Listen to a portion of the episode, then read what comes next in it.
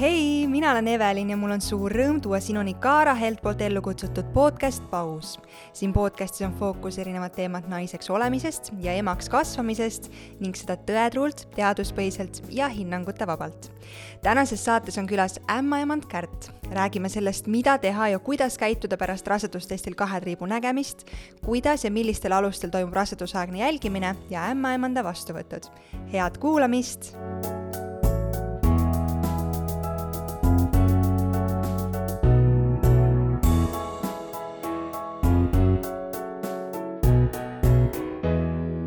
tšau, Kärt! tšau, Evelin! sa oled ämmaemand. ja ma saan aru, et ennekõike pühendunud just äh,, sa pead kohe hakkama mind parandama, kuidas on õige öelda, aga rasedate jälgimisele. praegusel hetkel jaa. miks, äh, esiteks, miks see valik ja kas kuidagi saab äh, selle ise valida või on see töö kuidagi, mis, äh, mida saab rotatsioonis teha, et äh, mingil hetkel valida, et nüüd ma tahan olla sünnitustoas, nüüd ma tahan äh, just rasedatega äh, toimetada, kuidas see, kuidas see kogu protsess toimib? kuidas see käib? Äh, põhimõtteliselt äh, tegelikult mm, meie õpingud, eks ju, kestavad neli pool aastat mm -hmm. ja selle käigus me tutvumegi hästi paljude erinevate nii valdkondadega, nii õenduse baasil kui ka ämmaemanduse baasil, eks. segan vahele, kõik ämmaemandad on ka õed? jah mm -hmm., õe erialaga. et äh, põhimõtteliselt siis, äh, eks ikka ju ka mul tekkisid mingid omad visioonid, et vot sinna ma tahan, sinna osakonda, see on minu, minu kindel nii-öelda suund, aga, aga meil tegelikult ämmaemandatena ei ole sellist nagu fikseeritud suunda. et pigem ongi see, et kuhu me tööle läheme, äh, ka siis näiteks haiglast hästi palju sõltub, et mõni haigla väga kasutab sellist rotatsioonimeetodit, meetodit, ehk siis sa oledki ämmaemand, kes on kõikjal ja teeb kõike. Ja, ja see, mõned haiglad lihtsalt pigem on see, et, et sa oled ühes valdkonnas, sa teed seda põhjalikult, eks ju, pikemat aega. Ja, ja siis eks elu näitab, kas sa siis mingil hetkel roteerud või mitte ja tegelikult, kui ma, isegi enne, kui ma lõpetasin, ehk ma olin siis äh, veel ei olnud diplomeeritud ämmaemand, kui ma asusin tööle äh, naistekliiniku erakorralisse vastuvõttu. see tähendab siis seda, et äh, kõik need naised, kes tulid sünnitama, käisid ennem siis minu juurest läbi. jah, kõlab nii toredalt jah, käisid läbi minu juurest, aga põhimõtteliselt siis esmase siis läbivaatuse tegin, on ju, hindasin samamoodi kõiki ohtlikud seisundid, näiteks verejooksud, veritsused, eks, ka günekoloogilised mured, et seal oli siis see erakorraline vastuvõtt siis äh, kõikidele naistele, kellega siis äh, esmaselt siis äh, ämmaemand vastavalt pädevusele, eks, et tegi, tegid nii-öelda omad, omad läbivaatused, hinnangud ja sealt edasi, kas siis läks naine arsti juurde või läkski sünnitama näiteks mm -hmm. või sünnitas sealsamas, et, et igasuguseid olukordi ma saan aru, et on juhtunud. ja ikka et eriti, eriti alguse poole kuidagi võib-olla äh, ma mõtlen, et kui väga tagasi mõelda, jah, eks ma ei teagi, millest see tulenes, eks see, kas siis, ma ei taha öelda, et kogenematus, sest see oli lihtsalt sellised omad nagu instinktid võib-olla, et, et need valikud niimoodi läksid, et kus, kus iga olukord nagu õpetab jah, et, et kui kuskile olukorda satud, siis, siis mingil hetkel järgmine kord juba sa tead, et vot, et kuidas seda, kas seda, kas see oli nagu olukord, kuhu sa peaksid sattuma ja sa teed nii järgmine kord või vastupidi, et seda väldid, et et, et ütleme, need sünnitused, mis, mis minul õnnest-, mille õnne juures ma olin eh, vastuvõtus olles või erakorralises olles, eh, need nad olid hästi kiired, alustame sellest, eks, et see, see ei olnud nagu selline, et ju noh, see ei ole selline, et sa arvestad, et nüüd naine tulebki, sünnitab mul sealsamas, vaid sa oled valmis ikkagi selleks, et sa jõuad, jõuad ikkagi turvaliselt suunata sünnitustuppa. aga ma pean ütlema, et see on juba ja. parem variant äh, kui teel sinna.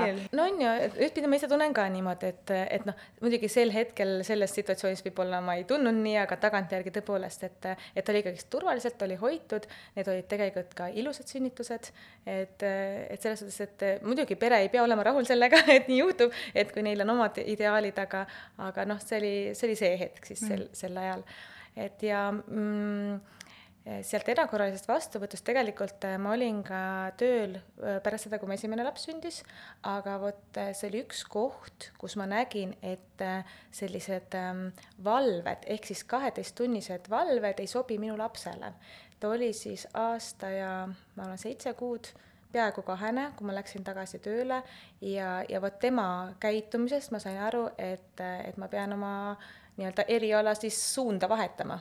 -hmm. et ja, ja siis, siis oligi ainuke õige lahendus, tundus sel hetkel emadusnõuandla, kus siis tegelikult tööpäevad on esmaspäevast reedeni, ööd on vabad, päevad on enamasti kas kaheksatunnised või kümnetunnised, eks, nädalavahetused vabad, eks niisugune hästi kindel graafik, niisugune hästi turvaline tegelikult ka lapsele ja, ja see toimis, et tal, tal, mis seal siis juhtus tegelikult võib-olla, ma ei tea, kas, kas ütlen? jaa, absoluutselt et põhimõtteliselt eh, pisikene laps siis, no see kaheteisttunnine valve tähendas seda, et ma olin kaheksast kaheksani tööl Läksin ära enne, kui laps ärkas, tulin tagasi siis, kui ta juba magama oli läinud, nii et temale ma olin ära terve päev, ööpäev.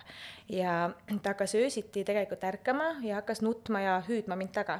ehk siis nendel öödel või päevadel, kui ma kodus olin ja ta tõesti ärkas üles ja, ja otsis mind, et emme, emme, et noh, siis nagu ema süda tunneb, et midagi, midagi ei ole päris see.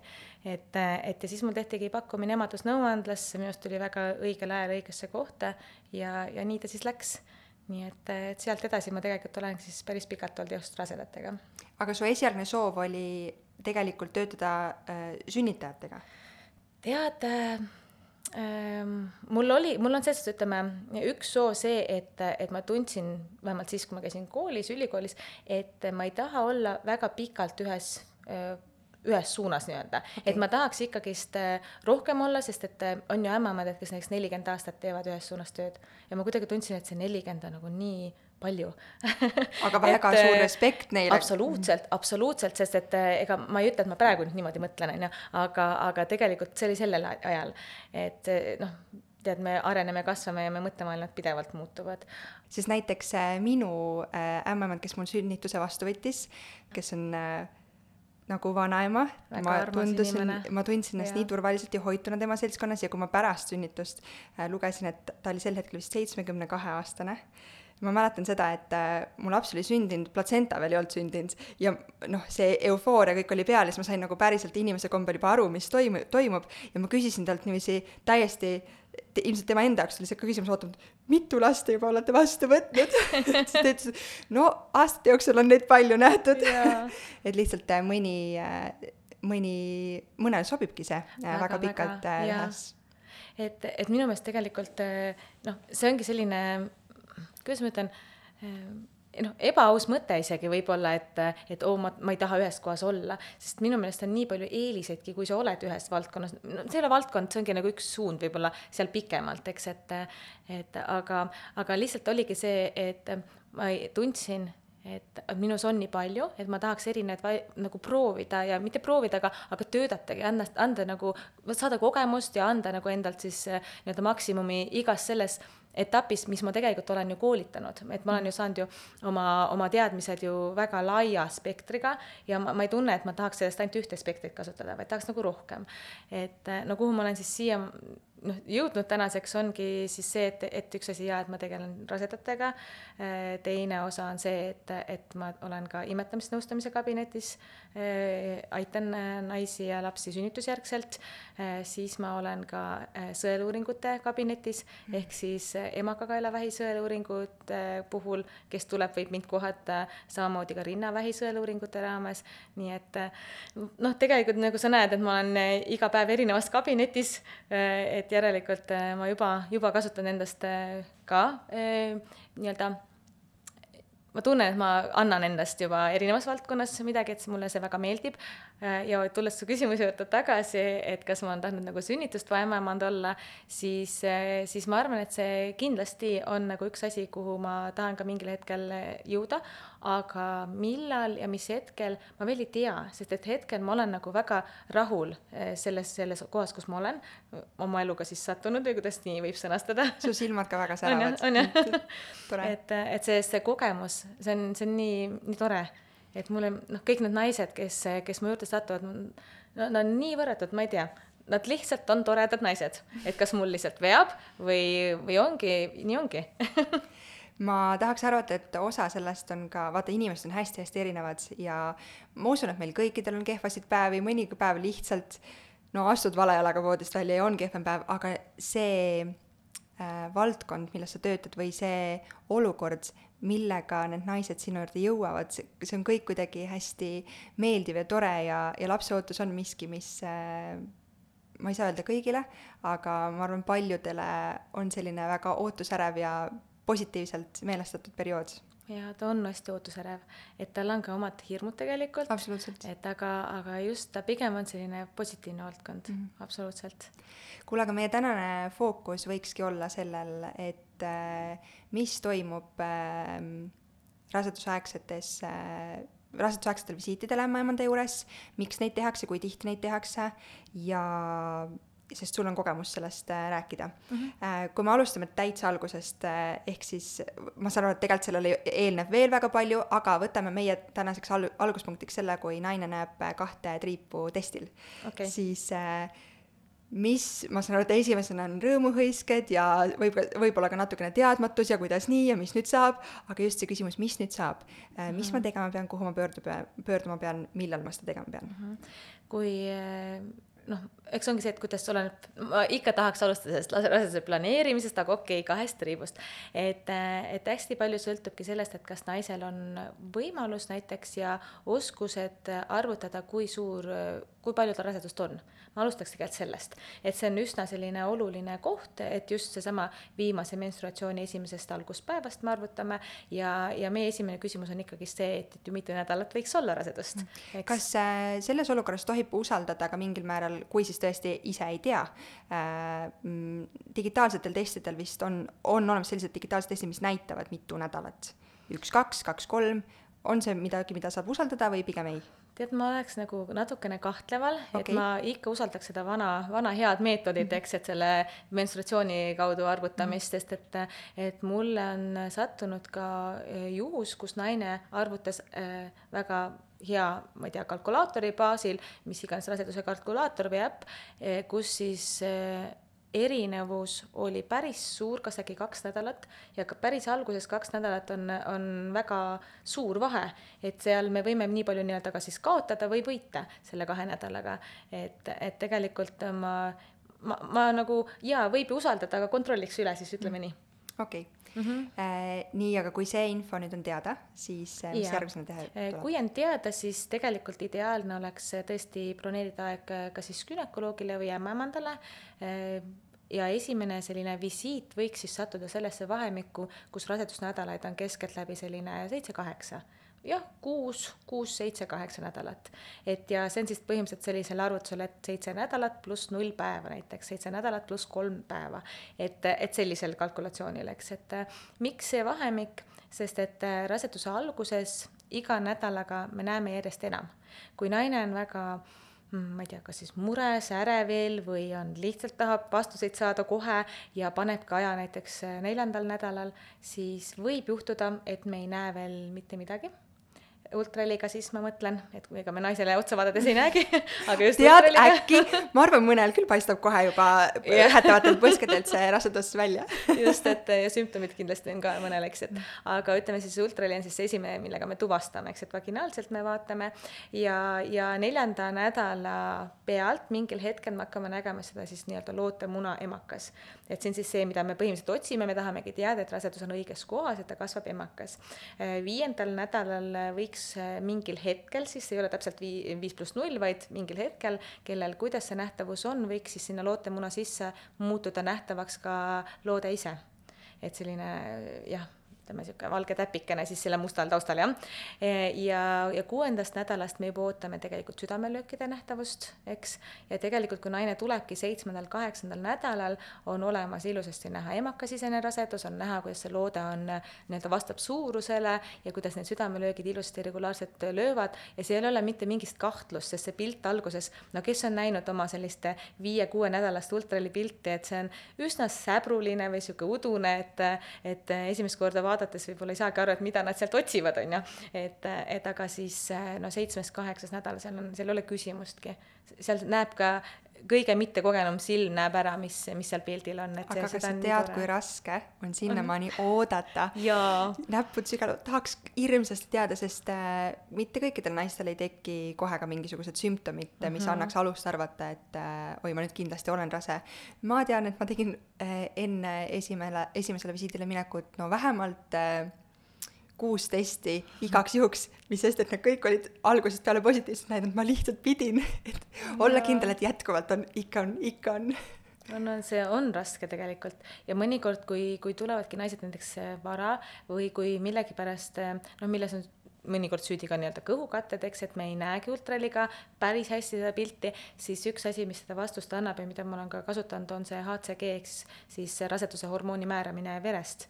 Et, et tahangi näha ju ja naine tahab ka just täpselt seda vastust, et, et, et mis siis on, kas ma olen rase, noh, okei okay,, ma olen rase, sest et kaks triipu on olemas, aga, aga kas see vastab nädalatele, kas see kasvab edasi, see rasedus, et, et noh, ikka need on need olulised küsimused. Ja, ja see, kui ma ütlen talle, et jah, anna andeks, aga ma pean su kahe nädala pärast alles uuesti tagasi kutsuma, et siis me reaalselt näeme midagi, et see kaks nädalat on väga pingeline aeg ja vähemalt ma sellepärast see veretest võiks näiteks anda mingitki noh, mingitki sellist kindlustunnet, et ta kannatab see kaks nädalat oodata näiteks, eks, et ma jaa, ma mõistan seda, see ei ole kerge. see tundub äh, võib-olla inimesele, kes, kes ei ole selles kahes nädalas kunagi olnud, et, et noh, mis siis ära ei ole, et see aeg lendab, eks, et aga ei, ei ole nii, alguses ei ole. ma hüppan korraks tagasi veel sellesse mm, -hmm. et äh, kui rasedustest näitab positiivset ja siis äh, on teada ka umbes, äh, mitu nädalat see rasedus võiks olla ja panna aeg selle järgi ämmaemanda või günekoloogi vastuvõtule mm, -hmm. kuidas valida endale seda, just sinu kontekstis siis ämmaemandat, äh, kelle juurde aeg panna? No ma arvan, et siin naised on meil tänapäeval väga targad, kuidas valida, et, et kes küsib, ma ei tea, oma sõbrannade käest, kel, kes guugeldab, et ja kes lihtsalt ütleb, et aga ma panengi aja ja vaatan, kuidas see inimene tundub.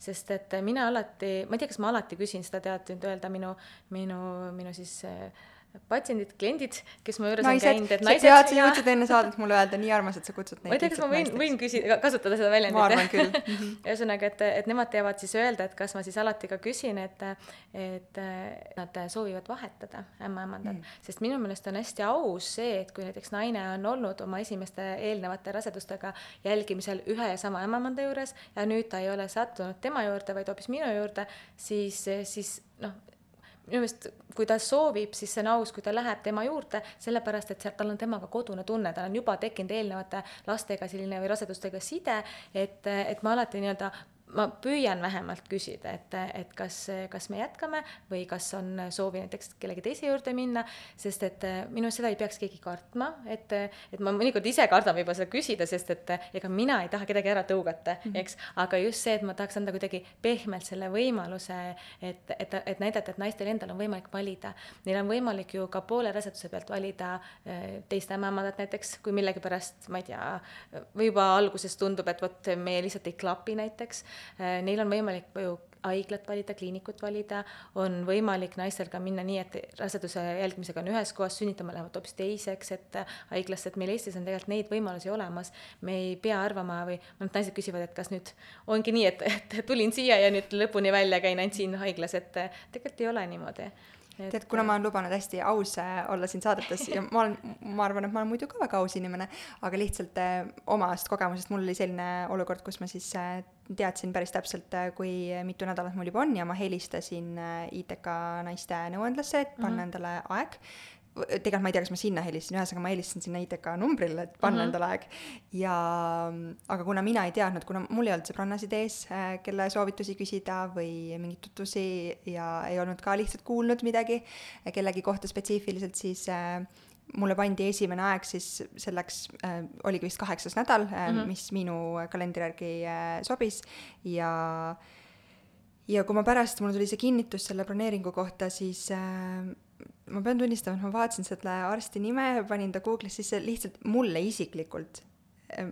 ma tean, et raamatuid ei hinnata kaane järgi ja inimesi nägu, inimesi nägude järgi, aga mul ei tekkinud seda tunnet wow, mingil põhjusel ja ma usun, et ta on tegelikult väga hea ema, kellelegi teisele ta on suurepärase kogemuse, aga sel hetkel minu kõhutunne ei olnud mm -hmm. õige ja siis äh, ma vahetasin selle ümber ja ma olin väga rahul oma ämmaemandaga edasi, et lihtsalt äh, ähm, tegelikult on kõikide ämmaemandate kohta haiglate kodulehel ka kirjeldused ja nimed ja pildid üleval, üldjuhul. midagi on mm, -hmm. ma ei saa öelda, et kõik sinu oma andmed tead. ma ei teadnud okei kirjeldusega või? Äkki on kirjeldusega, sest ma mäletan kasvõi see, kes Ülle, kes mu sünnituse vastu võttis, tema kohta ma lugesin pärast, et ta on talisupleja juba ma ei tea, mitukümmend aastat käib iga hommik ujumas, et ma seda minu meelest välja ei mõelnud, et ma lugesin seda kuskilt hiljem. jaa, et äh, ma tean, et sünnitustoa ämmaemandate kohta osadel on need, kes näiteks pakuvad äh, eraämmaemandust, et, et nendel on päris ilus põhjalik kirjeldus, et minu meelest see on väga hea just äh, noh, ongi see, et sa tunned ära, et, et mis, mis tüüpi inimene ta on mm. ja, ja täpselt, et aitab nagu valikule kaasa. Aga, aga ei, tore teada, et me, et on rohkem, kellel on mingid kirjeldused, selge. et okei okay,, aga kui äh, mm, sa tõid välja selle, et esimesel äh, visiidil siis on vaginaalne läbivaatus mm, -hmm. mis seal veel toimub? Eh, siis tavaliselt eh, me võtame ka analüüsid, enne muidugi vaatame, kas naisel on lähima, eh, ütleme, osad analüüsid on sellise poole aasta nii-öelda kehtivusega jah, et lähima poole aasta sees tehtud analüüsid emakakaelakanalilt, mõned analüüsid siis on sellise kolmeaastase kehtivusega. Ja kui sealt midagi puudu on, siis me loomulikult need nii-öelda võtame. miks, sellepärast et raseduse alguses me pigem alati oleme nii-öelda põhjalikumad ja tahamegi, et oleks kõikvõimalikud haigused välistatud, et see nii-öelda rasedus saaks ala, alata nii-öelda puhtalt lehelt jah mm. -hmm. et, et siis äh, kindlasti jah, ma ei tea, kas võiks siis arvestada, et suure tõenäosusega äh, ikkagist on see nii-öelda vaginaalne läbivaatus või selline, mitte vagi- va,, va, läbivaatus, aga analüüsi võtmine siis mm -hmm. jah, et, et ja pluss siis see ultrali ka, et, et, et ei, ei peaks ootama, et võib-olla kõhu pealt toimub ultrali. Aga, aga kindlasti ultrali teeme ja võib alati küsida pilti tegelikult minu käest kindlasti, teeme siis nii, et ma ei tea, kuidas teistel käekirjad on, aga kui ma unustan, ma püüan mitte unustada, sest minu meelest on nii oluline, et, et aga, aga kui miskit on, küsige, teen pildi. esimene pilt äh, tulevasest maailmakodanikust. jah, see pisikene täpikene selle musta taustal. aga see on nii oluline, see on nii vahva minu meelest, nii armas. Äh, mis sellest esimesest visiidist edasi saab? Äh, siis tavaliselt ähm, no eks seal on see põhjalik nii-öelda anamneesi kogumine ka, eks mm,, mis muidugi käib sinna tegelikult ettevalmistuse alla, et äh, väga hea oleks, kui on eeltöö naisel tehtud oma lähisuguring, suguvõlaste osas, et äh, näiteks ema, isa, õdede-vendade haigused, et mõned asjad on, tulevad nii-öelda küsimuse alla, et, et küsitakse nii-öelda esimesel visiidil ka. aga mis näiteks need on, mis mm, näiteks ähm, diabeet on üks nendest, mis on oluline kindlasti, suhkruhaigus siis mm, veresoontega, näiteks kas on olnud venoosset tromboosi, et me saame aru, kui mõnel on see väga võõras väljend, et siis, siis on nagu nii-öelda hea tabada, aga, aga mõni ütleb, et aga ma ei teagi, et mis on, et jaa, midagi vist oli, aga täpselt ei tea. mõned ämmaemandad küsivad näiteks ka nende pärilike haiguste kohta, näiteks vähkkasvajate kohta, aga mitte alati, et see, see ongi niimoodi, et oleneb nagu olukorrast, et kuidas, kuidas on ja, ja näiteks jah, kas on, kas on vaja antud kont-, kontekstis siis äh, ravimid kindlasti, et kui naine kasutab midagi, et hea oleks teada ravimite nimesid, kas või enamasti on teada, et ja siis annused ka, et, et mõni võib-olla peab üle vaatama veel, meenutama endale. kas mul on õigus, et juhul, kui äh, naine ootab mitmikuid, siis need esimeses äh,, esimesel visiidil selle vaginaalse ultraheli pealt ei pruugi neid mõlemaid või mit-, mitut neid näha olla? Tead, kui tuleb õigel ajal ja kui on, tegelikult ma, ma üpriski sageli pigem on näha. Okay.. et väga harva, kui nad poevad üksteise taha.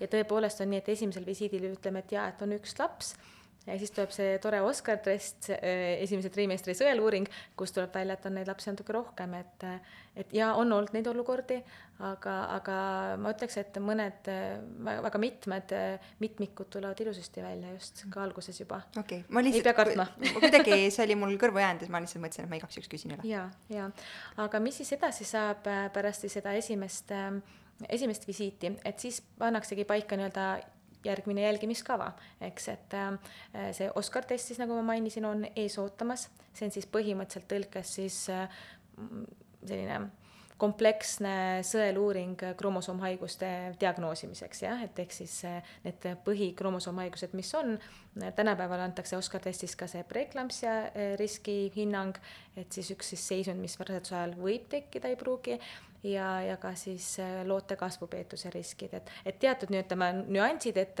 et seda uuringut on täiendatud, võib-olla siis naistel kuna need sõnad on võib-olla nii keerulised, et meelde jätta või teada lihtsalt seda, et see on hästi selline kompaktne, see on hästi kompleksne ja põhjalik uuring ja, ja mis siis nagu pere ise, pere ise saab vaadatagi, kuidas ekraani pealt, et kuidas nende titakene on kasvanud, et et see on siis see periood, kus, kus tõesti ta on juba nii piisavalt suur, et ta juba liigutab, on näha tema käsi, tema jalgu, et minu arust hästi selline armas ja see on siis see ultraheli, mis juba tehakse kõhu pealt, et et ja kuhu ka tegelikult on partneri juurde oodatud, et, et ikka koos perega. ja see toimub äh, esimese trimestri lõpus kaksteist nädalat? jaa, keskeltläbi kaksteist, et üksteist pluss, üksteist pluss null, kolmteist pluss kuus, et see on selline väga selline lai vahemik, kaksteist on jah, niisugune kuldne, et ütleme, et kaheteist okay. nädala sõeluuring jah, et äh, ultraheli. Äh, sa tõid välja selle, et see on äh, visiit, kuhu on ka pere kaasa oodatud? no ütleme jah, ütleme partner siis mm -hmm. jah, sest et päris me ei eelda, et kui tulevad kõik terve suguvõsaga? praegu veel jah, suguvõsa kindlasti mitte ja praegu hetkel veel eh, lapsed ka igasse nii-öelda haiglasse ei ole lubatud. mingil hetkel enne Covidi perioodi see oli nii ja ma tean, et on soov see taastada, aga hetkel siis pigem jah, et lepime siis, et ainult partner. ja ämmaemanda visiitidel käib naine üksi? tegelikult võiks käia koos partneriga. kas praegu on see lubatud? okei okay,, selge mm. -hmm. Need, ma saan aru, et need asjad muutuvad, aga järk-järgult jaa ja., tuleb tagasi kõik see armas aeg, just. tore. et see on, on tegelikult, see on ju kõigi selline, see on nagu ühine, ühine see algus ja kõik, minu arust on oluline kuna ma olin beebiootel siis, kui äh, ei olnud lubatud partnerid kaasa ämmaemanda visiitidele, siis äh, minu visiitidele järgnes äh, umbes sama pikk, kui mitte pikem vestlus kaaslasega, et mida kõike tehti, mida kõike räägiti, et täis ülevaade anda nii on jah nii, kui Oscari test on tehtud, mis ma saan aru, et on äh, sellise märgilise tähtsusega äh, rasedusaegsetest uuringutest. ja, ja et ütleme, et eh, mida nüüd juba praegusel ajal tihti kõrvutatakse Oscar testiga, on see Niptify test. ma ei tea, kas sa oled sellest kuulnud? olen kuulnud, aga mm -hmm. ma palun sul sellest rääkida lähemalt. ja, et see on põhimõtteliselt siis selline äh, test või analüüs, mida on võimalik võtta siis naise verest, kus siis hinnatakse neid samu äh, kromosoomhaiguste riske, küll aga see pakett on palju-palju laiem äh, kui siis äh,, kui siis see Oscar test, eks, et, et ja, ja noh, naistel omal soovil on see tasuline muidugi, et, et selle erinevusega. Küll aga äh, ta, see Niptify pigem toetab Oscar testi, et kui näiteks Oscar testist tuleb äh, vahepealne risk, siis ikkagist ka haiglad kasutavad Niptify'd, et siis selgitada välja, et kuidas need riskid tegelikult on, on nad siis tegelikult madalad või kõrged. et, et nad ikkagist on erinevad, nad on teineteist täiendavad ja kui peaks valima, noh, ma tegelikult ei valiks, sest et üks on ikkagist ultraheli, ma näen põhimõtteliselt oma mm -hmm. beebit, mu kõhubeebit ja teine on siis, et ma annan verd ja ootan neid tulemusi kaks nädalat. noh, minu arust ei anna võrrelda, kuigi nad on mõlemad väga olulise tähtsusega, eks, et et selles osas, kui ja, ja päris äh, sellel karmil Covid perioodil kasutatigi ainult Niptified, et Oscar testi ei kasutatud. et okay., et nii-öelda siis asendatigi nagu Oscarit Niptify'ga, et oleks vähem kontakti selge. Äh, ma saan aru, et äh, sa tõid välja selle et see on tasuline mm -hmm. soovi korral, aga kui, ähm, kui Oscari testil äh, selgub midagi, mis seab, ma ei tea, mõned asjaolud küsimärgi alla või mm -hmm. et kuidas siis täpselt on, kas riskigrupp või keegi saadetakse ka tasuta sellele lisatestile?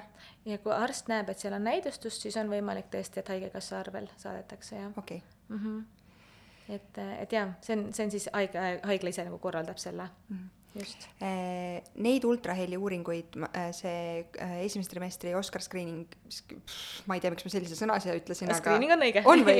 aa, vot, oh väga puusse ei pannudki.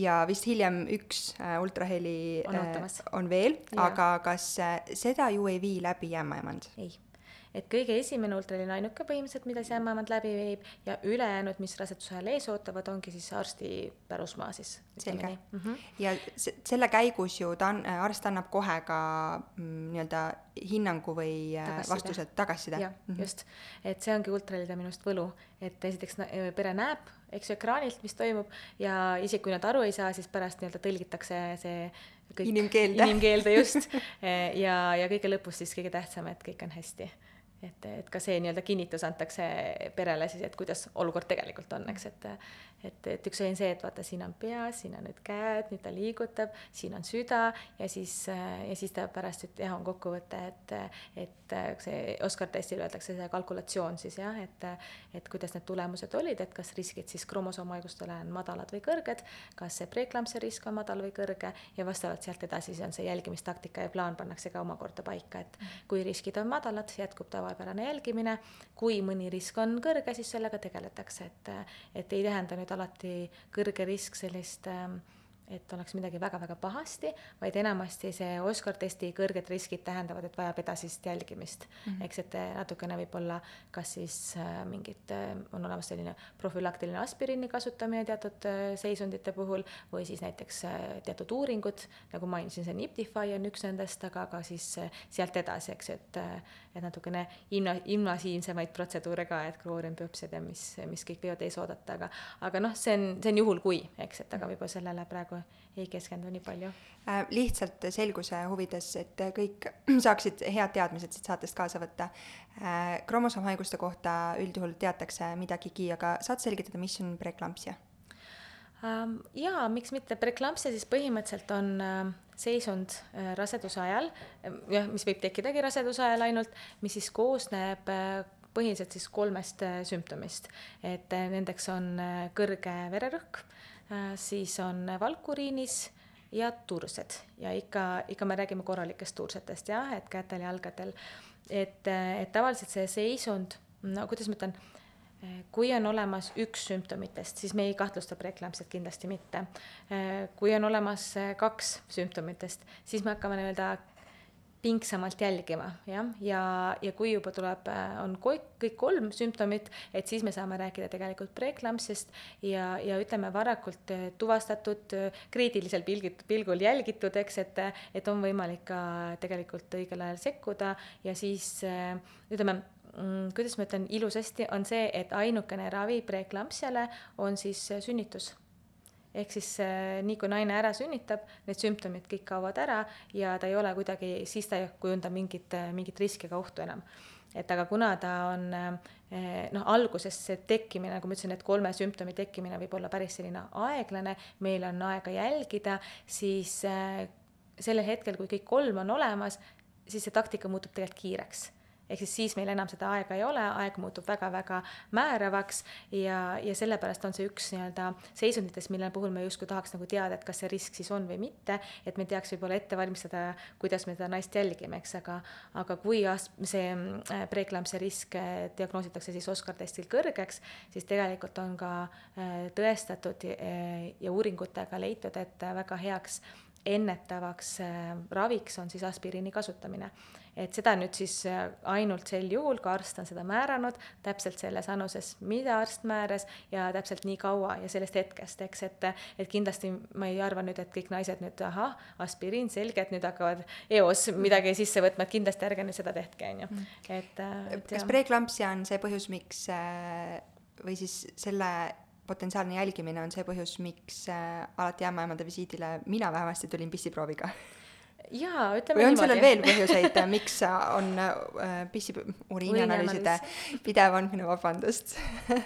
Äh, väga sage raseduse ajal? nagu ütleme, see on see üks põhjus kindlasti, sest et äh, see on üks lihtsamatest analüüsidest mida, mida on võimalik teha, ta on, ma arvan, et ta on ka selle võrra odavamatest äkki, et, et ja, ja see on hästi olulise tõesti markeriga, et seda valku uriinis me teistmoodi kätte ei saa. Eks, et, et loomulikult see uriinianalüüs näitab meile palju rohkematki, et me ju välistame alati põiepõletikud, erinevad bakterid uriinis, et, et ka seal on see alus, aga, aga jah, üks nendest markeritest, mis uriinist saame, on tõesti see preeklampsi oma mul tuli praegu meelde, äh, ma ei tea, kas see oli ainult, kas see oli ainult mina, aga äh, rasedusaegne mälu kadumine minu puhul mängis väga suurt rolli, see ei ole mul naasnud praegu, mu laps on kuuekuune mul jätkuvalt lähevad asjad väga kiiresti meelest ära tihti. aga mul oli väga mitmel korral mure sellega, et äh, see äh, uriinianalüüs tuleb võtta hommikul esimesest äh, ja. korrast ja kui ma siis seal raseduse ajal pissi hädan, mul oli vähemalt oluliselt suurem kui tavapäraselt muidu on ja istud juba hommikul rahulikult seal WC-s ja sinna kergushetk tuleb peale ja siis ma vaatan mu mul on valmis pandud veel eelmisel õhtul need äh,, kuidas neid nimetatakse, need analüüsi, just äh,, need põtsikud, purgid, jah, katsutid ja, ja ma, need vaatavad mulle vastu, ei ole võimalik, jälle unustasin. No et siis lihtsalt jäi järgmist hommikut ootama. Kui sa seda mainid, siis mul tuleb ka meelde, et on ka minul neid hetki olnud. No,, et, et kuidas ma loen veel neid tunde, et, et ei, ma ei saa, ma pean öösel käima rasedana tualetis, eks, ja siis hommikul loen neid tunde ja ootan, et millal saab see vähemalt see minimaalselt neli tundi täis, et nüüd kohe ja siis uksest välja koos oma katsutega, aga, aga jaa see on vist nii inimlik. see on inimlik ja, ja no midagi pole teha, et, et ühtpidi ta on sihuke võib-olla tüütu mingil hetkel või, et iga kuu ja mingil hetkel võib iga kahe nädala tagant anda neid uriinianalüüse, aga tegelikult kuna ta on oluline, et siis noh ma arvan, et noh, tegelikult kui sa tagantjärgi mõtled, siis äh, ei no,, see ei olnud, minu jaoks vähemalt see ei olnud mitte mingi probleem, et ma arvan, et kõik, mis on äh, kuidagi iseenda ja oma beebi tervise huvides, siis see ei saa olla liiga keeruline, et seda mitte nagu teha. Mhm. just, et küll tuleb neid apsakaid ja küll ununeb, aga, aga tegelikult see on ju enda jaoks. Mhm, just, just.. kui Oscar test on tehtud mm, -hmm. äh, siis ma saan aru, et alguses on ämmaemanda visiitide vahe küllaltki pikk ja seal raseduse ta... lõpupoole läheb sagedasemaks. just, just umbes sellise graafikuga mm -hmm. ja et alguses siuksed pikemad pausid, et keskeltläbi ka siis kord kuus, isegi viie nädala tagant, et et, et kuidas, kuidas need visiidid on Äh, loomulikult, kui näiteks on mingi mure, siis ma alati julgustan naisi varem tagasi pöörduma või, või anda teadet, et tead, et mul, mul on ikkagist üsna, üsna võib-olla ärev, et, et sooviks nagu tihedamini kohtuda, et, et jällegi üks asi, mis, mis võib-olla me saame nagu siin natukene nagu muuta neid asju, et ei pea väga nii-öelda kivisse raiutuna edasi minema, eks -hmm. et aga, aga põhimõtteliselt jah, pärast Oscar testi taaskord tegelikult ämmaemandaga või saadakse kokku, et vaadataksegi üle, et kuidas on läinud, kuidas need tulemused on, eks, et kas on mingeid küsimusi küsimusi tekkinud ja siis ähm, see on ka tavaliselt see periood, kus nüüd oleneb muidugi, mitmes rasedusnädal on käimas, aga tavaliselt seal ähm, kuusteist pluss nädalat äh, meil on võimalik juba hakata mõõtma ka kõhukest. et ütleme, need kõhu mõõtmised äh, ajaloost on nii, et kunagi mõõdeti kõhu ümbermõõtu ja siis emakapõhja kõrgust ehk siis vaagnaluu ülemisest äärest kuni siis sinnamaani, kuhu ulatus see emakas, jah, emaka ülemine osa, mida me nimetame emakapõhjaks, jah. et, et see oli siis väga ajaloos selline kasutusel olev meetod, millega siis hinnatagi tita kasvu. Ja oli ka tegelikult erinevad kalkulatsioonid, kuidas siis enam-vähem pluss-miinusega arvutada ka tita kaalu selle põhjalt. aga tänapäeval need ei ole leidnud nagu kõik ikkagist väga tõenduspõhisust, väga paljudes kohtades on ära jäetud see kõhu ümbermõõdu mõõtmine, eh, sest et esiteks me juba alustame erinevate kõhu ümbermõõtudega, eks, et eh, ja kuhu me edasi jõuame, ta alati ei ole nagu nii äh, informatiivne. Ja ma tean, et mõnes kliinikus ka enam ei mõõdeta seda emakapõhja kõrgust aga, aga näiteks Ida-Tallinna Keskhaiglast mõõdetakse küll, et, et seal siis ikkagist annab informatsiooni, et kuidas kõhukene kasvab, seeläbi me saame informatsiooni, et kuidas tita kasvab ja see on tegelikult oluline näitaja, sest et vastavalt sellele, kui meil on kahtlus, kas ta kasvab äh, kiiremini oodatust või natukene aeglasemas tempos, et me saame määrata näiteks lisaultrahelisid, mis annavadki meile võimaluse kontrollida tita tervist ja siis saadagi selle info, et, et kuidas tegelikult on. et see on see aeg, kus, kus tegelikult veel ei tunne ju äh, loote liigutusi väga sageli vähemalt ei tunta, et, et kaheteistkümnendast kuni, kuni kahe, kahekümnenda nädalani, eks. Et, et see vahemik kaheksa nädalat, mõnikord siis enesetunne on juba paranenud, iiveldus on ära kadunud, eks mõned sümptomid võib-olla veel ja, ja, ja liigutusi samas ei tunne. aga millal on ootuspärane hakata liigutusi tundma mm? -hmm et ma, ma kohe ütlen sulle et lihtsalt siis ongi tavaliselt võib-olla nii, et see kaheksa nädalat on, tundub lihtsalt nii ärevust tekitav, eks, et et, et siis me kindlasti vaatame, kuulame neid südamelööke. aga äh, ootuspärane aeg liigutuste tundmiseks teate, me ütleme küll, et vahemikus selline kaheksateist kuni kakskümmend kaks, ütleme kakskümmend, et, et aga, aga ma tõsiselt sõltub hästi palju ikkagist ka ühtpidi naisest, naise, ma ütleks, et kehaehitusest äkki ja, ja ka lootest, et kuidas tema paikneb, et väga soodsal hetkel, väga soodsas asendis on naised, kes on tundnud juba kuueteistkümnendal nädalal looteliigutusi ja, ja noh, kes olen mina, kes ütlen, et ei, et, et raamatus on kirjas, et kaheteist, kaheksa kaheksateistkümnendast, eks, et, et ikkagist loomulikult nii, nagu naine seda tunneb, see ongi see esimene aeg, kus ta seda tunneb. lihtsalt kõige suurema tõenäosusega on looted niivõrd äh, suured ja heas asendis kuskil kahekümnenda rasedusnädala paiku, et siis neid lihtsalt äh, on tunda ja tavaliselt ka igapäevaselt tunda. ja vot siin on see nagu see nii-öelda koht, eks ju, et märgata, et igapäevaselt mm. Et, et mis on nagu tegelikult oluline ja, ja mitte midagi ei juhtu, kui on juba kakskümmend üks pluss nädalat ja, ja ikka veel ei ole tundnud liigutusi. see on ka jälle nii, et see tuleb, lihtsalt, äh, lihtsalt ongi võtta korraks aeg maha, natukene vaadata, tun-, tun-, tunnetada oma keha, eks. et, et ja see mingil hetkel annab kindlasti tunda, et hästi palju mängib ka mõnel juhul rolli näiteks platsenta asetsus eks, et mõni nagu mõni ütleb, et jaa, mu platsenta on ees seinal, et blokeeris kõik liigutused, eks, et võib-olla ma ei tea, kas oled kuulnud niisugust fraasi, jah, on ju. et vot sellised tuttavad laused, et, et seal on tõe, tõepõhi taga, et, et nii, et, et niisugune soodne, soodne asend ja soodne olukord, kui, kui võib esimesi liigutusi üldse tunda. ma raseduse ajal märkisin oma telefonis lihtsalt märkmetesse äh, nädalate kaupa ja vahel ka päevade kaupa, kui midagi eriti äh, sellist erakordset või kuidagi tähelepanu või märkamist, märkimist vajav asi toimus, siis asju üles, mis toimusid uh. -huh. ja mul on seitseteist pluss neli just, ma vaatasin üle, äh, märgitud, et ma tundsin päris kindlalt, et siis ma juba ei ajanud sassi, ma ei tea, gaaside või millegi muuga. et ma saan aru, et gaasid on see, millega tihti aetakse vist sassi. mõeldakse küll, et gaasid, aga, aga ma ikka ütlen, et või julgustan seda, et kui ikkagist äh, miski paitab sind seestpoolt juba teist päeva järjest, siis nagu need ei saa gaasid olla mm. et, et seal, aga see on see esimene kord need esimesed liigutused, et sellest me ütlemegi, et, et korduval, et kes on juba korduvalt rase ja, ja märkab, noh, nad enamasti oskavad juba kohe nagu aru saada, et vot see on see liigutus.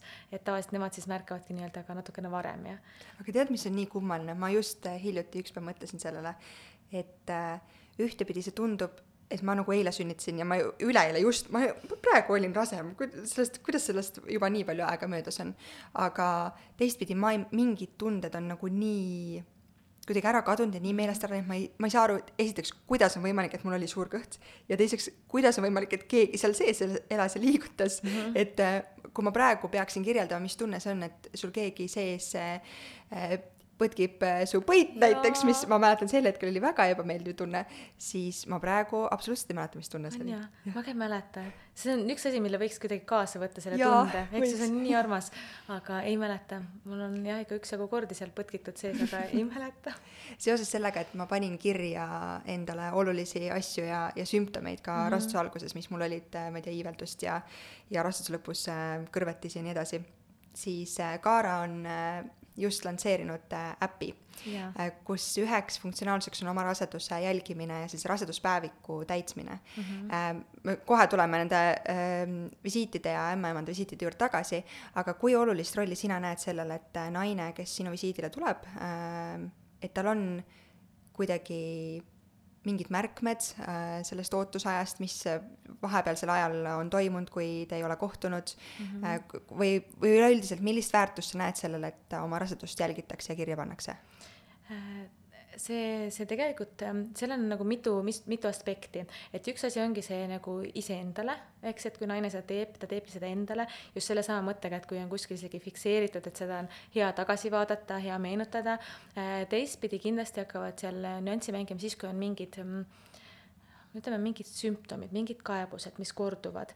Äh, näiteks mm, noh, hästi tüüpiline võib-olla, mille puhul me niikuinii soovitame alati kasutada, mitte just nüüd ämmamandusvaldkonnas, vaid ka laiemalt mujal, äh, kasutada neid päevikuid, on peavalud et nendeks nii-öelda peavalupäevikud, ehk siis äh, kindlad sümptomid, mis korduvad kindla intervalliga ja kui on need üles märgitud, see annab nagu väga hea sellise äh, nagu vundamendi või sellise alguse, et ahaa, et millega võiks tegelikult tegemist olla. et noh, peavalusid on ka tegelikult hästi palju erinevaid liike, eks, et, et ja noh, see ei ole nüüd minu mm. nii-öelda valdkond, mida, millest lähemalt rääkida, aga, aga see on näiteks üks näide ja, ja ütleme raseduse ajal, kui naine näiteks kasutab mingit ravimit või hakkab kasutama ravimit, et väga hea on ju ka märgata noh, kõrvaltoimeid, eks. et, et igapäevaelus eh, tihtilugu, kui me ei fikseeri miskit ülesse, ega ei mäleta, mis võib-olla toimus üleeile või eelmine nädal ja kas mul siis tegelikult eh, oli halb olla või ei olnud, no jaa, vist on mul iga õhtu olnud iiveldust, aga tegelikult täpselt ei mäleta.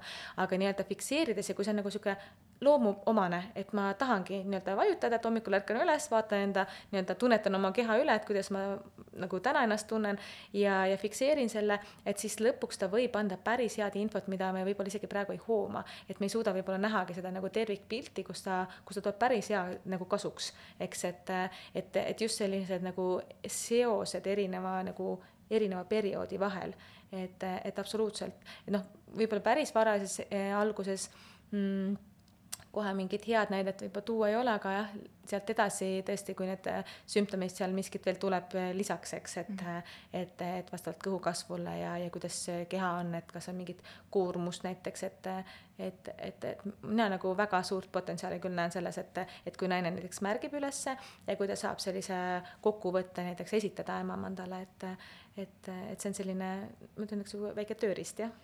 kusjuures nüüd seesama, mis sa enne välja tõid, et see äh, teise trimestri alguses, see on küllaltki pikk see vahe, millal mm -hmm. ämmaemade visiidid äh, toimuvad, siis äh, selle aja jooksul jõuavad asjad juba muidu meelest ära minna, mida ämmaemadelt küsida tahaks või millele tähelepanu pöörata. et ma ei tea, on see siis ma ei tea, jalakrambid, mis, kui ma ei eksi, siis magneesiumi puudusest võivad näiteks jah. näiteks mm -hmm. tekkida, eks äh,, mida võib-olla, et kui see on sul kirjas ja sa oskad sellele ka ämmaemade visiidil tähelepanu pöörata, et siis sa mm -hmm. saad potentsiaalselt sellele abi äh, või leevendust või, või mis tahes muud asjad. jah, või kasvõi needsamad jalakrambid, et, et näiteks, et mis, millal nad algasid ja kas nad nüüd tänaseks päevaks on nad mul harvemaks jäänud või vastupidi, süvenenud. see on ju ka tegelikult oluline info, et kus me edasi läheme mm. -hmm. et jaa, sa mainid mulle näiteks visiidil jalakrampe, ma ütlen, et jah, et magneesium võiks olla see, mis sind toetab ja aitab, aga samas võtad näiteks äpi lahti või, või ütleme, sul on juba see raseduspäevik, kuhu on sissekanded tehtud ja ütled, aga tead, need on vähemaks jäänud, eks. et siis võib-olla ma ütlen, et aga jätka oma toitumisega, see toetab toetab sind, et, et praegu veel magneesiumit võib-olla ei võta, et vaatame hiljem edasi. nii et sa näed sellel sellist äh, head, äh, head suunda mm? -hmm. jah äh,, võimalust ka iseennast jälgida, meelde jätta mingeid asju ka iseenda jaoks, pluss äh, ämmaemanda visiitide jaoks, eks? tegelikult küll jaa, absoluutselt. ja noh, nende küsimustega, et äh, kui tekib mingi küsimus, hästi hea oleks need muidugi üles kirjutada ja mõnikord me muidugi noh, saame juba sellele vastuse, aga, aga et ei juhtuks ka seda hetke, et tulete visiidile ja kõik küsimused jäävad ukse taha justkui, et aga see juhtus mul väga sagedasti. kuigi ma olen suur üleskirjutaja, siis miski miskipärast mul ununesid asjad. jaa, see ei ole kuidagi loomulik, eks mm. -hmm. aga samas ma mõtlengi, et ma arvan, et need, need kõik need erinevad äh, päevikud ja äpid, need ma arvan, nagu julgustavad meid seda teha, et ennast nagu märkama, üles kirjutama ja selle võrra ma arvan, meile tulevad järjest teadlikumad rasedad. ja see on ju positiivne. absoluutselt kui eh, me jõuame jutuga tagasi siis rasedusakse jälgimise juurde mm, -hmm. siis me vist oleme otsaga selle loote anaatoomia ultraheli juures, ultraheli juures.. jaa, just, et see on siis vahemikus kakskümmend kuni kakskümmend üks rasedusnädalat kuidas ma ütlen, mm, põhimissioon või eesmärk ongi leida viimased erinevad äh, Mm, defektid või eh, loote arengus, et kuigi me tegelikult võib-olla alati nii ei sõnasta, sest et noh, naise jaoks on ultraheli, kus tema saab oma beebikest näha, eks, et, et saab selle kohta informatsiooni ja minu meelest see ongi armas, armas nii mõelda. Ja las siis selle nii-öelda spetsiaalsed need nüansid, las see arst teeb siis oma peas ära kalkulatsioonid ja, ja, ja ütlebki siis perele lihtsalt seda, mida pere soovib teada, et, et võib-olla küsitakse, mis soost on laps tulemas, see on siis see üks ultraheli, kus te võite seda uurida, eks, et või vastupidi, anda teada, kui te ei soovi seda teada, eks, ka see on oluline. Eh, ja, ja siis just seesama info, et saada teada, et kuidas siis tita on kasvanud ja arenenud.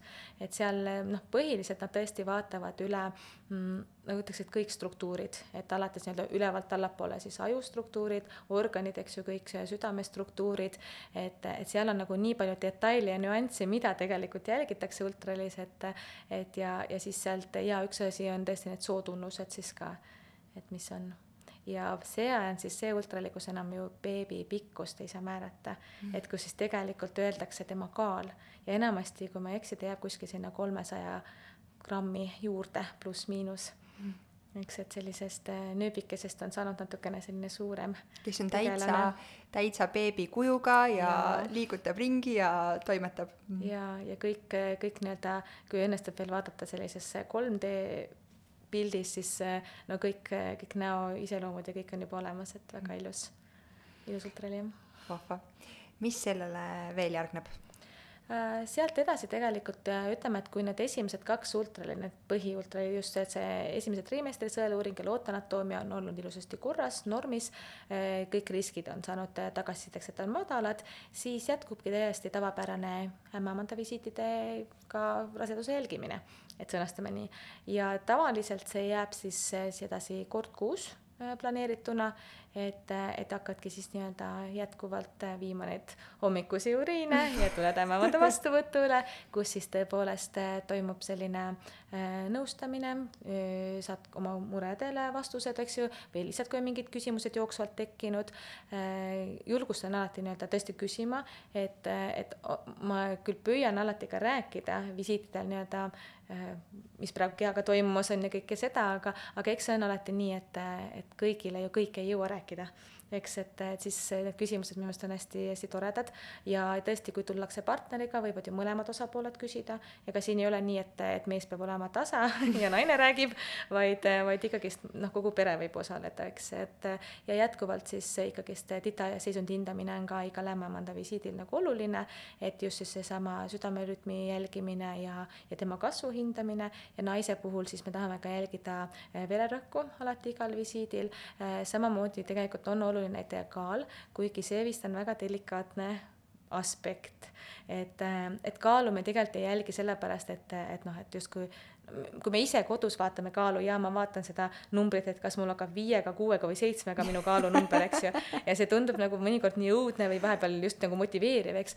aga raseduse ajal meil ei ole oluline seda, see number kui selline, vaid pigem see, kuidas see kasvab. kas ta kasvab ootuspärases tempos või näiteks äh, ei kasvagi või langeb või ta kasvab liiga kiiresti. ja vastavalt sellele toimub jällegi selline jälgimistaktika kohendamine, et kas me peame kuskil midagi sekkuma, kas me peame igaks juhuks jällegi kontrollima mingit testi lisaks tegema, uurima, et, et seal äkki on taga mingi murekoht või see kõik on nii-öelda ootuspärane ja, ja läheb nii, nagu me planeerime, eks, et, et need on olulised informatsioonid, et, et miks me, miks me võib-olla neid asju ka küsime naiste käest, mis, mis, mida kõik võib-olla ei taha avalikult öelda, jah. kas tõesti ei taha? mõnikord on nii, et see on murekoht et okay. aga ma julgustan, et no tegelikult isegi ütleks, et nüüd, nüüdise ajal natukene vähem et aga algus mingil perioodil oli see ikkagist noh, no seesama kuidagi see mm, see tuli nagu läbi nagu siukse nagu raskuse, see väljaütlemine kuidagi, ma ei tea, vähemalt tundus nii, et, et aga just tahaks jah julgustada, et see ei peaks nii olema, et, et me, me ju ei hinda siin noh, ma ei teagi me, me ei oota mingit kindlas mõõdus ja, ja, ja kaalus naisi, vaid, vaid meil on oluline just see tervise aspekt, eks, et, et siis ei peaks nagu kartma seda, et, et me ei, ma tahaks loota, et üks, mitte keegi ei riidle enam naistega, et, et nende kaal, ma ei tea, tõuseb kiiresti või ei tõuse üldse, et noh, kes me oleme, et riielda teise täiskasvanud inimesega, eks, et pigem peaks just toeks olema. Äh, see vist tegelikult käib äh, mingil määral on ka see põhjus, miks seda kaalu, äh, kaalu tõusu jälgitakse, on gestatsioonidiabeet mm. -hmm. paranda mind, kui ma eksin, aga seda testi, sellele testile ei suunata mitte kõiki, vaid Just. neid, kellel on alust arvata, et äkki see võiks olla probleemiks? kes on riskirühmas, just, just., jaa. et on teatud kriteeriumid, mille puhul me siis lähtume, et kes siis on riskirühmas või mitte ja gestatsioonidiabeet siis on see raseduse ajal tekkiv diabeet, mis siis kestab nii kaua, kui on rasedus ja kui enam rasedust ei ole, siis ei ole ka seda seisundit, eks. aga seda mm, -hmm. millal äh, suunatakse seda testi tegema, see on see, ma ei tea, kas ainult minu puhul, aga, või paljude puhul, aga palju kardetud äh, no ta ei, väga meeldiv see ei ole. ta ei ole meeldiv, ta on äh, üsna raske, ma ütleks, et kellel on ta vaimselt raske, kellel on ta sealt nii-öelda kohapeal füüsiliselt raske. ma olin väga raske. ärev enne ja, seda. on ju mm, -hmm. et sa pidid ka tegema seda, jah? ma pidin jah, sellepärast mm -hmm. et kuigi ma võtsin üleüldse rasedusega väga vähe juurde ja mul ei olnud mingisuguseid äh,, ei nähtud mingit muud äh, põhjust äh, selle tegemiseks kui see, et äh, mu kõhu, siis see emakapõhja kõrgus, mida mm -hmm. sa mhm. enne kirjeldasid, oli alati äh, pluss kaks sentimeetrit sellest, mis oli nädalate arv ja kui ma ei eksi, siis seda vist -hmm. võrreldakse raseduse nädalate yeah. Mm, arvuga. üsna paralleelselt see mm, -hmm. need mõlemad kasvavad jah, et yeah. nii nagu rasedusnädalad kasvavad, kasvab ka siis see kõhumõõt, et. no vaata, aga mul, kui kuueteistkümnendal nädalal vist äkki, kui sa ütlesid, hakati mõõtma, on ju, siis mm -hmm. mul oli siis kaheksateist ja siis järgmine kord, kui oli, ma ei tea, kakskümmend nädalat, siis oli kakskümmend kaks ja nii edasi mm, -hmm. et siis äh, juba selle mõttega, et mind sinna testile saadeti, see hirmutas mind nii väga, mistõttu tehti ka lisa ultrahelisid äh, vist mm -hmm. paar korda äh,, aga kuna need äh, näitas lihtsalt, et ilmselt on veidi rohkem vett äh, okay., loodevett, mitte loode ise ei ole oluliselt palju suurem ähm,, oli ka see hirm vahepeal, aga ühesõnaga kõik oli hästi. Eh, siis ma lõpuks läksin natukene vastu tahtmist, sest mu sisetunne ütles, et kõik on hästi, testi tegema enda julgustuseks ja, ja selleks ikkagi, et veenduda, et beebiga on kõik hästi, eh, siis eh, see ei olnud, see ei olnud väga meeldiv. ta ei ole, eks. ta, noh, selle testi mõte ongi see, et viha, viia keha äärmuslikkuse seisundisse, sest et ega teisiti me ei saagi teada, kas siis raseduse ajal on miskit sellele nii-öelda antud naisele siis koormavaks tema kehale või mitte mitte. ja, ja no ütleme, et äärmuslikud seisundid tihtilugu nad ei olegi mugavad, eks, et üks äärmus on juba see, et naine peab olema kümme kuni kaksteist tundi söömata, eks. mõnel on see lihtne, mõni võib-olla pikemat aega ei taha süüa, aga raseduse ajal tihtilugu see ei ole nagu nii lihtne ja, ja, ja mõnele tekitab see näiteks iiveldust, eks, et et ja teine äärmus on siis selle tühja kõhu peal tõesti juua ära teatud suur kogus glükoosisiirupit või lahust, ütleme glükoosilahus on õigem sõna, et, et jällegi läila, magus jook tühja kõhu peale esimese asjana, see ei ole meeldiv ja see ei ole kerge kusjuures minu puhul selle lahusjoomine oli veel okei okay,, aga mulle üldse ei meeldi verd anda, mulle üldse mm. ei meeldi, kui mind torgitakse ja see mõte, see ainuüksi sellest, et keegi ühe hommiku jooksul kolm korda sind ja, torgib ehk siis enne lahusjoomist, tund aega pärast lahusjoomist ja kaks tundi pärast. et ja. äh, mul oli kõik väga hästi ja mul on tegelikult hea meel, et ma seda tegin äh,, sest see on ju minu ja beebi äh, terviseturvalisuse huvides. ta tegelikult on, ta annab meile nagu hästi palju just infot nii-öelda naise seisundi kohta ja sealt edasi, kuna naine ju kannab ja vastutab beebi eest, et siis sealt ka edasi nagu beebi osas, eks, et, et noh, ma ei oska siin midagi julgustuseks öelda, et see test on raske, ta ongi noh, me ei saa seda teisiti lihtsalt seda kätte, et, et on küsitud, et kas on mingit alternatiivi kui oleks, ma arvan, et me ootame väga neid tehnikuid siis, kes leiutaksid selle alternatiivse meetodi, et et, et kui keegi meist siin kuulab praegu, siis hakake tööle. naised väga ootavad seda, et, et saaks, saaks teistmoodi teada just sedasamat, mida me sealt tead saama, saada soovime, eks, et kuidas need suhkrud kõiguvad.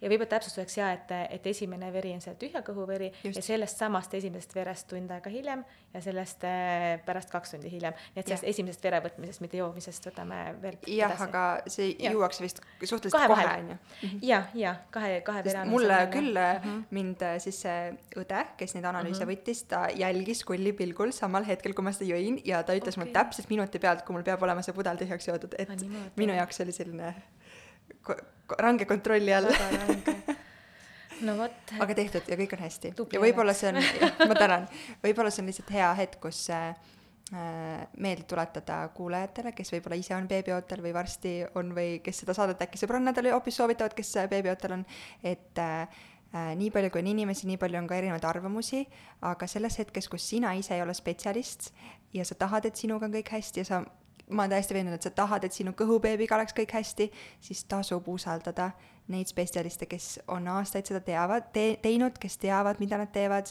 ja usaldada seda teaduspõhist lähenemist ja infot, et ma arvan, see on hästi-hästi oluline on, on, et ma tänan sind selle eest. Et, et ütleme nii, et me ju tegelikult ei, ei taha neid ju naisi kiusata ega olla nendele nii-öelda töötada vastu, vaid pigem see ongi nagu selline koostöö, võtta ära kõikvõimalikud mured enda kanda, et naine saakski nautida seda rasedust. Ja, ja ma küll väga püüan alati põhjendada, miks ma saadan kuskile uuringule, et ka minu meelest nagu lihtne on öelda, mine tee, aga minu meelest on väga aus öelda, miks? Mine tee eks, et naine ju teaks, mis on sellel nagu see roll, et mida ta siis jälgib ja, ja mis, miks see tema jaoks on oluline. et ja, ja nagu nii-öelda ta teab seda nagu oma turvalik-, turvalisest allikast, mitte, mitte doktor Google'ist, jah mm. see on ka väga sage muidugi Mm, ma arvan, paljudel. Äh, ikka ja, ja, mhm. ja alati doktor Google ei valeta, ta mõnikord annab väga häid lahendusi meile. nii et, äh, et ja peab olema niisugune nagu teadliku kriitikaga sellesse suhtuma. just mm. -hmm. mis hetkest need ämmaemanda visiidid nüüd tihedamaks muutuvad seal raseduse lõpupoole? just raseduse lõpupoole, kolmandast trimestrist tavaliselt alates kolmkümmend kuus nädalat, rasedusnädalat, kolmkümmend kuus pluss siis, pluss null, pluss üks, pluss kaks. ja siis me tahaksime tavaliselt naisi näha iga kahe nädala tagant, et eks see tempo sõltub ka sellest, et sitakene kasvab juba kiiremini, eks, et on, on nüansse, mida, mida rohkem jälgida ja koormus on kehale selle võrra ka suurem, eks, ja, ja eks seal mm,, eks seda nõustamist ja võib-olla küsimusi tulevad ka mingil hetkel nagu rohkem isegi ütleks, et see vahepealne aeg, tavaliselt naised teevad hästi palju eh, sellist kodust tööd ja, ja käivad võib-olla perekooli loengutes, eks, et tegelevad nii-öelda ise, ise nii-öelda eh, info otsimisega ja, ja siis seal lõpus ongi selline võib-olla selline kokkuvõte, et, et kas on veel midagi küsida, kas saab veel juhendada, suunata.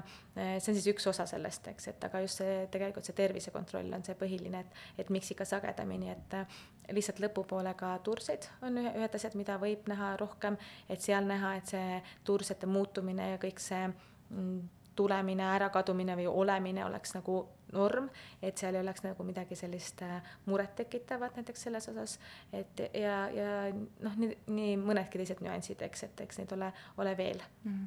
-hmm. Ehm, mul oli vist selliselt, et äh, mina iga kord seal lõpus lootsin, et nüüd see on viimane kord, kui me näeme, iga kord siis on see on viimane kord, kui ma siia tulen. ja ema ütles, et no vaatame, no vaatame ja siis, kui tema mm. ütles, et ma arvan, et see on viimane kord, kui me näeme, siis päriselt oligi viimane kord, kui me nägime. et ja. Äh, jälle see, et tasub spetsialiste usaldada, kes on seda näinud ja korduvalt teinud ja, ja seda protsessi kõrvalt näinud ma ise endale võtsin küll rasedana selle, kuidas ma ütlen, nagu stardi või mis see finišijoone siis jah, et panin sinna võimalikult kaugele, kus on see nelikümmend kaks pluss null nädalat, mis me ütlemegi, et see on see maksimumaeg, kuhu me justkui nagu ootame, et, et sünnitus nii-öelda ise hakkaks käima. ja, ja ma nagu lähtusingi sellest, sest siis ma kuidagi tundsin, et ma jõuan rohkem. Et kui ta tuleb, sünnib lapsekene varem, et vähemalt ma ei kurna selle ootusega ära, sest et kui ma hakkan teda ootama kolmekümne seitsmendast nädalast, mis juba on reaalne, sest ta on ju täis kantud, siis noh, kolmekümne seitsmendast neljakümne kaheni, no viis nädalat oh, no täpselt. Su, su nägu ütles nii palju juba kõik seda, et, et siis ma tundsin, et mul on lihtsam nagu keskenduda sellele nelikümmend kaks pluss null kuupäevale kui päris, päris tähtajale ja, ja, ja kusjuures läks hästi, et nad tegelikult sündisid mul tähtaja ringis kõik, et, et ei olnud Kus mingit küsimust see on väga hea asi, mis kõrva taha panna, et et selle võrra ju endal on ka see nagu ootus lihtsam seal lõpus. Mm -hmm. sihuke nagu vähem pinget võib-olla. mul ei olnud ka nagu, ma ei, ma ei arvanud kuidagi, et mul tuleb enne tähtaega või mm -hmm. ma ei arvanud ka otseselt nagu tohutu palju üle läheb, kuigi vist äh, üldjuhul, ma ei tea, kas see on seaduspära, sa saad mind parandada, äh, esimesed äh, ähm, lapsed sünnivad pigem peale tähtaega või ei, ei ole nii? ma ei ütleks okay., et äh, see ei sõltu sellest, mitmes laps on, vaid okay., äh, vaid pigem lihtsalt äh, naisest endast võib-olla mõnikord. ja mõnikord ei ole ka sellest, et ei ole nagu reeglit, millal. et kui me näeme, et esimesed kaks on näiteks sündinud nelikümmend üks nädalat, siis me teame, et suure tõenäosusega kolmas laps ka sünnib mm. nelikümmend üks, eks, et aga, aga sinnamaani me isegi ei tea selle ühe naise puhul täpselt okay, nagu sada protsenti, et, et kuhu, kus suunas see mm. nagu, aga et sa statistiliselt küll mm, enamus lapsi sünnib sellel samal nädalal, kus on su tähtaeg. ütleme siis niimoodi selle nädala lõikes okei okay., lihtsalt mind pani lõpus eriti seda ootust ja ootusärevust tekitas see, et arvati, et laps on suurem mm. ja lootevett on rohkem ja kuna mul kõht oli kasvutust alla juba vaja, vajunud ja laps oli vaagnasse madalale tulnud, siis äh, ma mõtlesin, et nüüd ma läksin iga õhtu magama, mõtlesin, et hommikul ma ei ärka siin, vaid ma ärkan haiglas ja mul on beebi rinna peal ja siis väga suur pettumus oli, kui ma ärkasin ikka seal voodis nii et äh, jah, mu beebi sündis äh, nelikümmend äh, pluss kolm. aga vaatab äh, hästi. jah kaua ei lasknud sul oodata, ütleme nii? jah, tõesti, aga ma pean ka tunnistama, et ma seal kolmekümne seitsmendal nädalal juba jooksin kahekümne korruse jagu treppe iga päev, jõin vaarikalehe teed äh,, masseerisin nibusid ja mida kõike veel saab teha äh, selleks, et äh, beebi potentsiaalselt kiiremini tuleks. ootusärevus oli suur. kas sa tegid seda kõike iga päev? mm,? ma vaarikalehe teed jõin küll alates kolmekümne viiendast nädalast ja vist kolmekümne seitsmendast mitu tassi päevas okay.. Aga ma ei tea, ma tead, ma tegelikult suurima äh, sellise panuse võib-olla panen sellele, et äh, Äh, Anu Pillavi äh, joogatunnis õpitud tagurpidi asendid ja sellised, mis aitavad kuidagi beebit eriti soodsasse positsiooni kõhus äh, jah, viia ja pallil hüppamine ja see on nagu füüsiline aktiivsus, enda liigutamine mm, -hmm. et ma panen suurema panuse sinna kui kõigele muule, mis ma seal vanarahva tarkusi sain katsetatud. et ma ütlen ka, et vanarahva ta tarkusi ikka võib katsetada, see on ju põnev mm, -hmm. eks, et iseenda peal teste teha, kuniks see kõik on äh, Äh, nii-öelda naturaalne või siis ohutu mm. -hmm. et see just ohutu on nagu see koht, eks, et, et, et neid, kes tahab, guugeldab kõiki neid kolme S-i, mis on väga populaarsed, sealt edasi, paljud on muidugi inglisekeelse S-iga, eks ju, ja sealt edasi on juba viis S-i, ma ei tea, kas sa tead, et on viis S-i tegelikult? ma tean, ma olen kolmest S-ist no näed, et, et kes tahab, otsib kõik viis S-i üles, et aga, aga üks nendest S-idest, kuhu ma tahtsin võib-olla jõuda, on see sammu, sampas, sampus, eks, või noh mm -hmm., see ei ole küll S, aga, aga šampanja siis ehk siis alkoholi poolda, aga on võimalik alati valida kõik mulljoogid ilma alkoholita mm, -hmm. eks, et mm, -hmm. et see on, ütleme, see, et, et peaasi, et oleks ohutu äh,, go for it, eks, et mm, -hmm. et pigem, pigem see on selline, et mis siis minul toimis, katsetus võib-olla, et. küll aga ma pean tunnistama, et mul veed puhkesid täpselt sel samal hetkel, kui ma selle suure võimlemispalli peal põrgatasin ja oma nibusid masseerisin.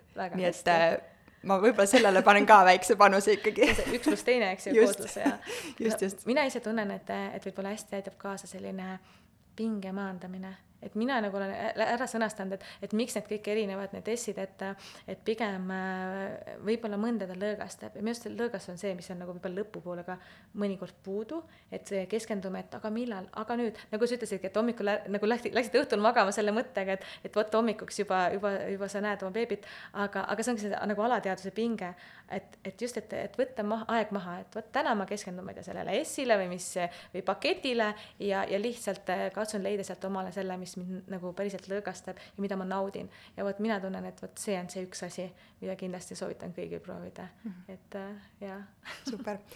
me hakkame saatega lõppu jõudma, aga mul on kaks äh, sellist küllaltki praktilist küsimust äh,, mis ma veel tahaksin siia lõppu tuua.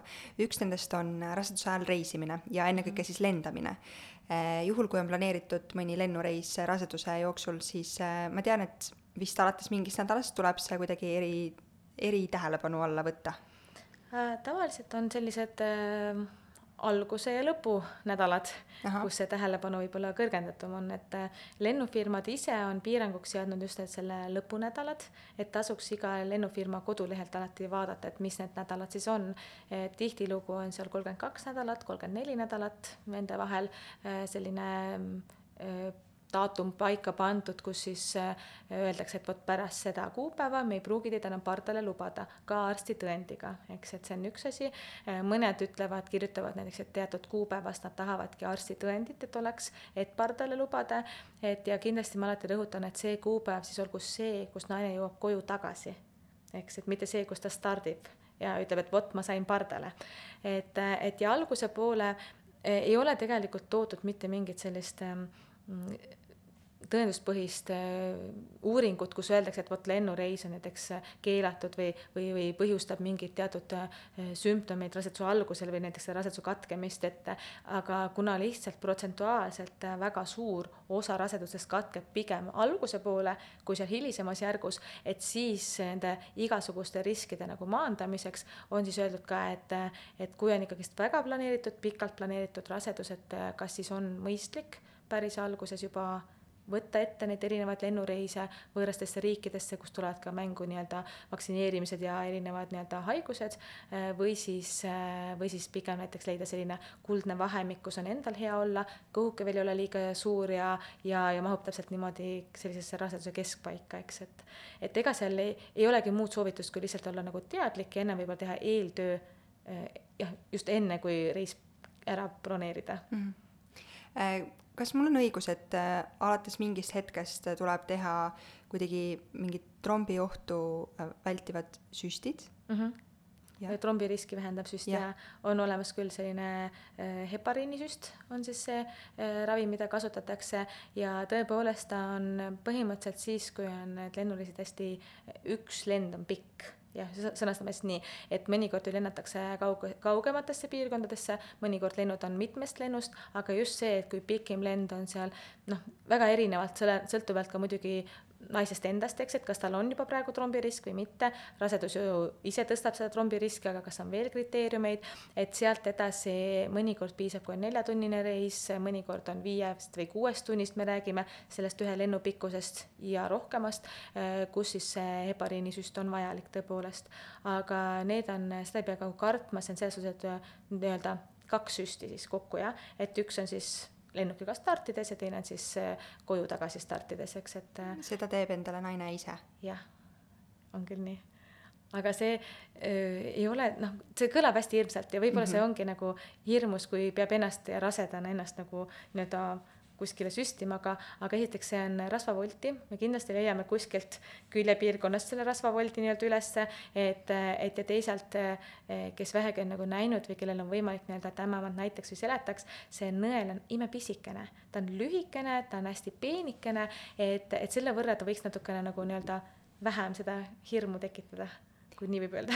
Aga selle osas ilmselt oskab ämmaemand siis äh,, ühesõnaga tasub oma ämmaemandat informeerida eesootavast reisist, kes oskab juhendada ja vajadusel aidata. just, võtsid sõnad suust, et äh, täpselt, et, et ikka hea pöörduda ämmaemanda poole, anda teada oma reisiplaanidest ja siis arutadagi läbi, kas on vaja seda tõesti, seda hepariinisüsti või mitte.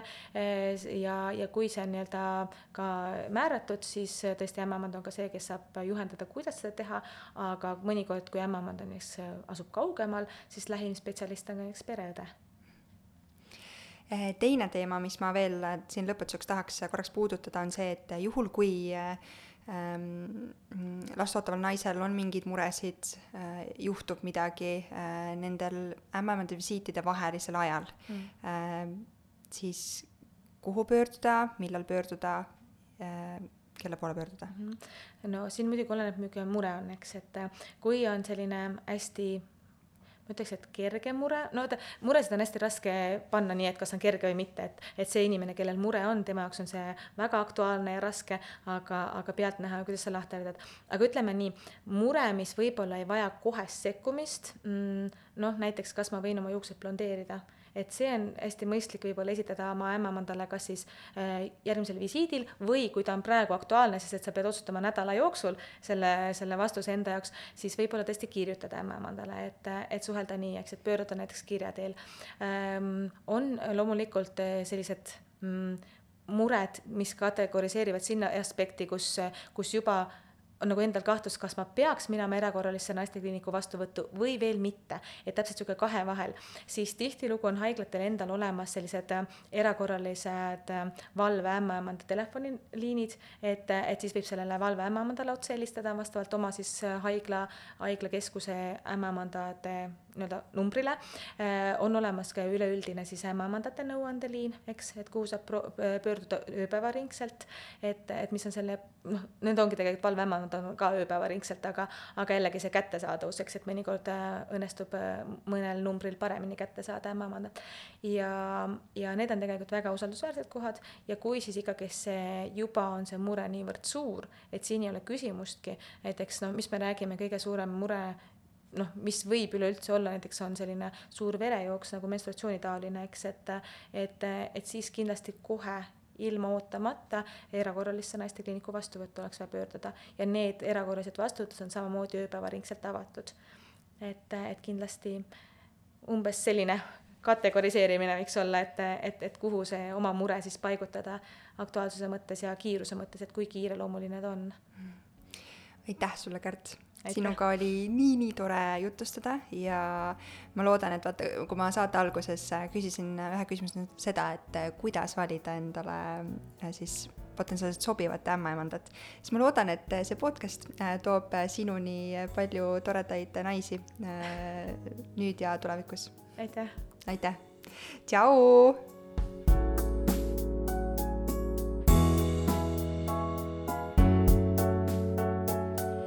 Saate toob sinuni Kaara, naiste tervise ja heaolu edendaja rasedus- ning emadusperioodil. vaata lähemalt kaarahelts.io